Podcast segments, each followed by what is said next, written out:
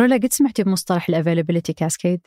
لا والله وش هو؟ يقول لك هو لما مجموعة من الأشخاص يؤمنون بفكرة معينة ويعتقدون أنها صحيحة فكيف الفكرة هذه أصلا تنتشر بينهم ويؤمنون فيها بأسباب كثيرة منها يقول لك إذا شخص قال لك عن معلومة جديدة في موضوع أنت ما تعرفين عنه كثير هنا أنت قد تفرضين أنه والله بحكم أن هالشخص عنده المعلومة أكيد أنه يعرف أكثر مني في الموضوع. مم. فممكن انك تسلمين ولا تناقشين وتؤمنين بالفكرة ولا بعد ممكن تنشرينها. اي صدق هذا اللي صاير في ال social media الحين. فصارت المعلومات تتداول بغض النظر هل هي صح 100% ولا لا. هذا بودكاست الفجر من ثمانية. بودكاست فجر كل يوم نسرد لكم فيه سياق الأخبار اللي تهمكم. معكم أنا ديمة العامر. وأنا رولا عبد الرحمن. الخبر الأول اليوم نتكلم عن الجانب المظلم لصناعة السيارات الكهربائية. في الخبر الثاني فيروس زيكا الغامض يعود من جديد.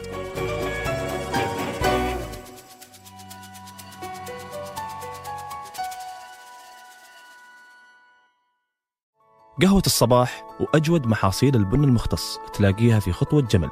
اعرف أقرب فرع لك من الرابط في وصف الحلقة.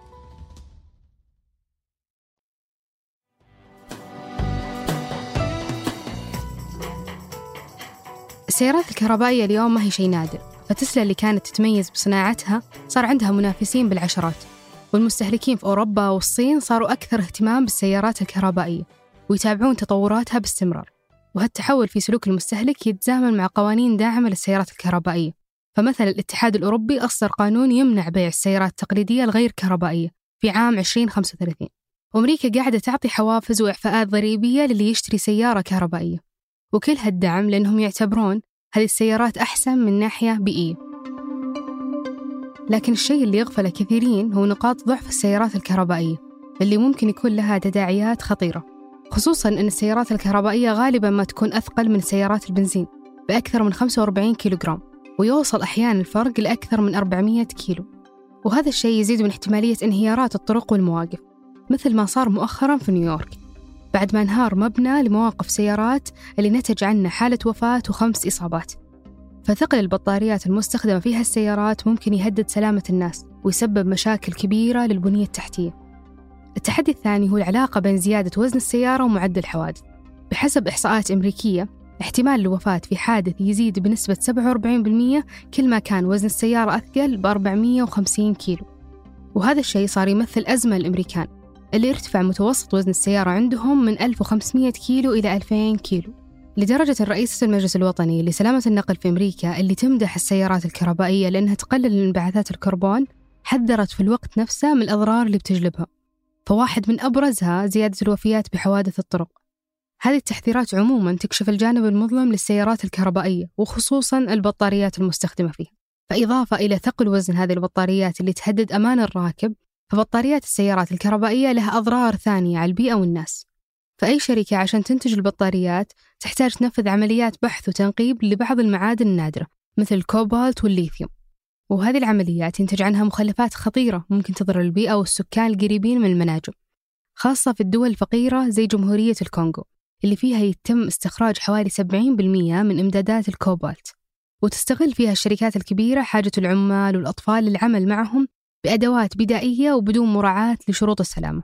أما الجانب الضار الثاني لصناعة بطاريات السيارات الكهربائية هو أنها تستهلك كميات هائلة من المياه الجوفية. ومن المفارقات الثانية هو أن السيارات الكهربائية ممكن تسبب انبعاثات ولكن بشكل غير مباشر. فالطاقة الكهربائية المستخدمة لتشغيل السيارات غالبا تكون جاية من محطات تعمل بالوقود الأحفوري. وصحيح أن هالسيارات الكهربائية تعتبر حل لتقليل تلوث الهواء إلا أن بطارياتها ممكن تطلق مواد كيميائية سامة. يوم يتم التخلص منها بشكل خاطئ. وعشان كذا تحتاج شركات السيارات الكهربائية أنها تطلع بحلول مبتكرة لمشاكلها.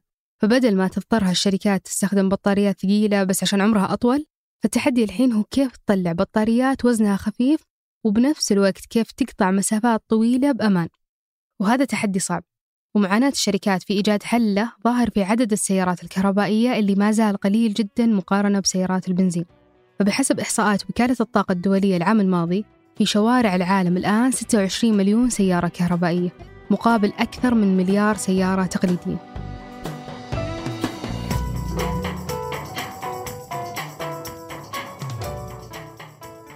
قبل أكثر من 70 سنة وتحديدا في 1947 رصد فيروس زيكا لأول مرة في أوغندا. وسجلت أول إصابة بشرية بالعدوى والمرض من هالفيروس في عدة بلدان أفريقية بالخمسينات. وتزايدت بعدها الإصابات البشرية في كل أنحاء أفريقيا وآسيا. وكان 2007 هو العام اللي سجل فيه فيروس زيكا كفاشية مرضية أصيبت فيه حالات تتجاوز المتوقع. هذا بسبب انتشاره على نطاق ثلاث قارات في أفريقيا والأمريكيتين وآسيا والمحيط الهادي. ولكن مرت هذه الموجة. وبداية من عام 2017 شهد هالفيروس انخفاض على الصعيد العالمي. ولكن قبل أيام نشرت مجلة Nature تقرير يقول أن الفيروس رغم تراجعه قبل ست سنوات لا يزال مستمر. ففي البرازيل الكثير من الأمهات اللي انتقل لهم الفيروس قبل سنوات نقلوا المرض لأطفالهم ويعاني بعض الأطفال الرضع اليوم من تشوهات وتلف مدمر في الدماغ. وذكرت المجلة أن ظهور فيروس كوفيد 19 كان سبب في نسيان العالم لهذا الفيروس اللي إلى الحين ناس كثير تعاني منه في عدة قارات. وشو فيروس زيكا؟ عدوى فيروسية تنتقل غالبا بواسطة لدغات نوع معين من البعوض. معظم الأشخاص المصابين بفيروس زيكا ما تظهر عليهم أي أعراض. لكن اللي تظهر عليهم فهي تبدأ عادة بعد أسبوعين من العدوى أو أقل. وتكون الأعراض خفيفة عموما وتكون كطفح جلدي وحمى والتهابات وآلام في العضلات وفي المفاصل والشعور بالضيق والصداع. وتستمر هالأعراض من يومين إلى أسبوع. ويتطلب تشخيص العدوى بفيروس زيكا فحوصات في المختبرات لأن الأعراض اللي تظهر في الشخص عادة تكون شائعة في أمراض الفيروسات الثانية. وحاليا تسجل بعض الدول ولادة أطفال برؤوس أصغر من حجمها الطبيعي بسبب إصابة الأمهات بالفيروس أثناء الحمل وبدأت تظهر تشوهات خلقية مع الرضع المصابين بما فيها تقلصات في الأطراف وتشوهات في العين وفقدان السمع. وصارت تسمى هذه السمات اللي تظهر على الأطفال المصابين بمتلازمة زيكا الخلقية. وتشير التقديرات أن 5 إلى 15% من الرضع اللي ولدوا من نساء مصابات بفيروس زيكا عندهم مضاعفات مرتبطة بهالفيروس. رغم انتشار المرض في عدة دول واستمرار ظهور أعراض غامضة على المصابين خصوصا الأطفال الرضع قلصت الكثير من الدول في السنوات الأخيرة من تمويل الأبحاث واللقاحات المتعلقة بهالفيروس. But according to the World Health Organization, scientists investigating the Zika outbreak are finding an increasing body of evidence linking Zika and microcephaly. واليوم يعاني العلماء من قلة الموارد العلمية لفهم ظهور الفيروس بشكل الجديد خصوصا أن المعلومات عنه قليلة أساسا.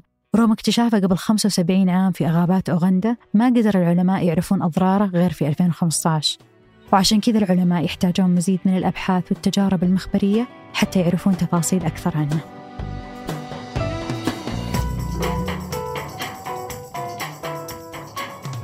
وقبل ننهي الحلقة هذه أخبار على السريع. في حوار مثير للجدل مع صحيفة الشرق الأوسط كشف مسؤول سابق بالاستخبارات العراقية أن في عهد الرئيس صدام وفي عام 1993 تحديداً أعدت الاستخبارات خطة لاغتيال الرئيس الأمريكي السابق جورج بوش الأب خلال زيارته للكويت وكان الهدف منها معاقبته على اللي سوته أمريكا في عهده ضد العراق وجيشها. وكانت خطة الاغتيال تتطلب منهم يدخلون سيارة Land Cruiser مفخخة إلى الكويت واللي كان فيها أربعة أشخاص مجهزين بأحزمة ناسفة. ولما يصيرون منفذين الاغتيال في المنطقة اللي يتواجد فيها بوش الأب يتم تفجير السيارة من مسافة بعيدة ويهجم الأشخاص اللي لابسين أحزمة ناسفة على الرئيس الأمريكي يفجرونه وبالفعل مشت الخطة في بدايتها ودخلت السيارة المفخخة على الكويت. لكن واحد من المنفذين ارتبك وبلغ السلطات الكويتية وفشلت الخطة. وتم اعتقال جميع المشاركين وانتهت محاكمتهم بإدانة خمس عراقيين وكويتي بالإعدام. أما أمريكا فبعد ما عرفت على الخطة هاجمت مبنى المخابرات العراقية ب 22 صاروخ بعيد المدى وقتلت أكثر من 60 شخص.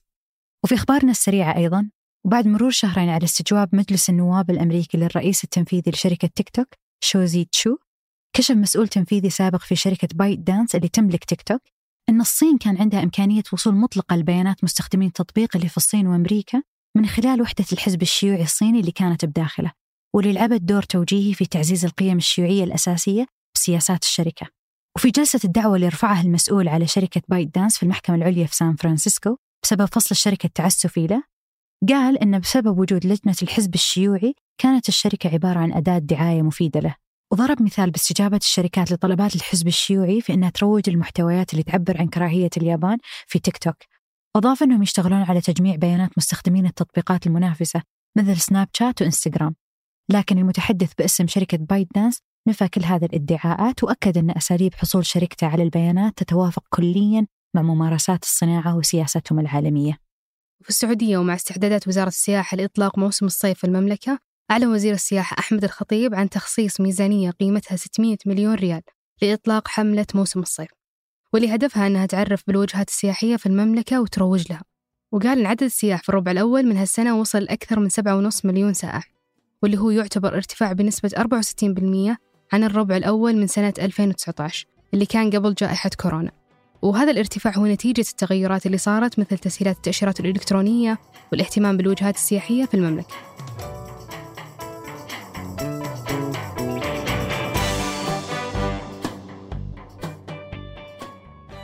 أنتج هذه الحلقة ترك البلوشي ورهف العصار وقدمتها أنا رولا عبد الرحمن وأنا ديمة العامر. وراجعتها لما رباح وحررها محمود أبو ندى. نشوفكم بكرة الفجر.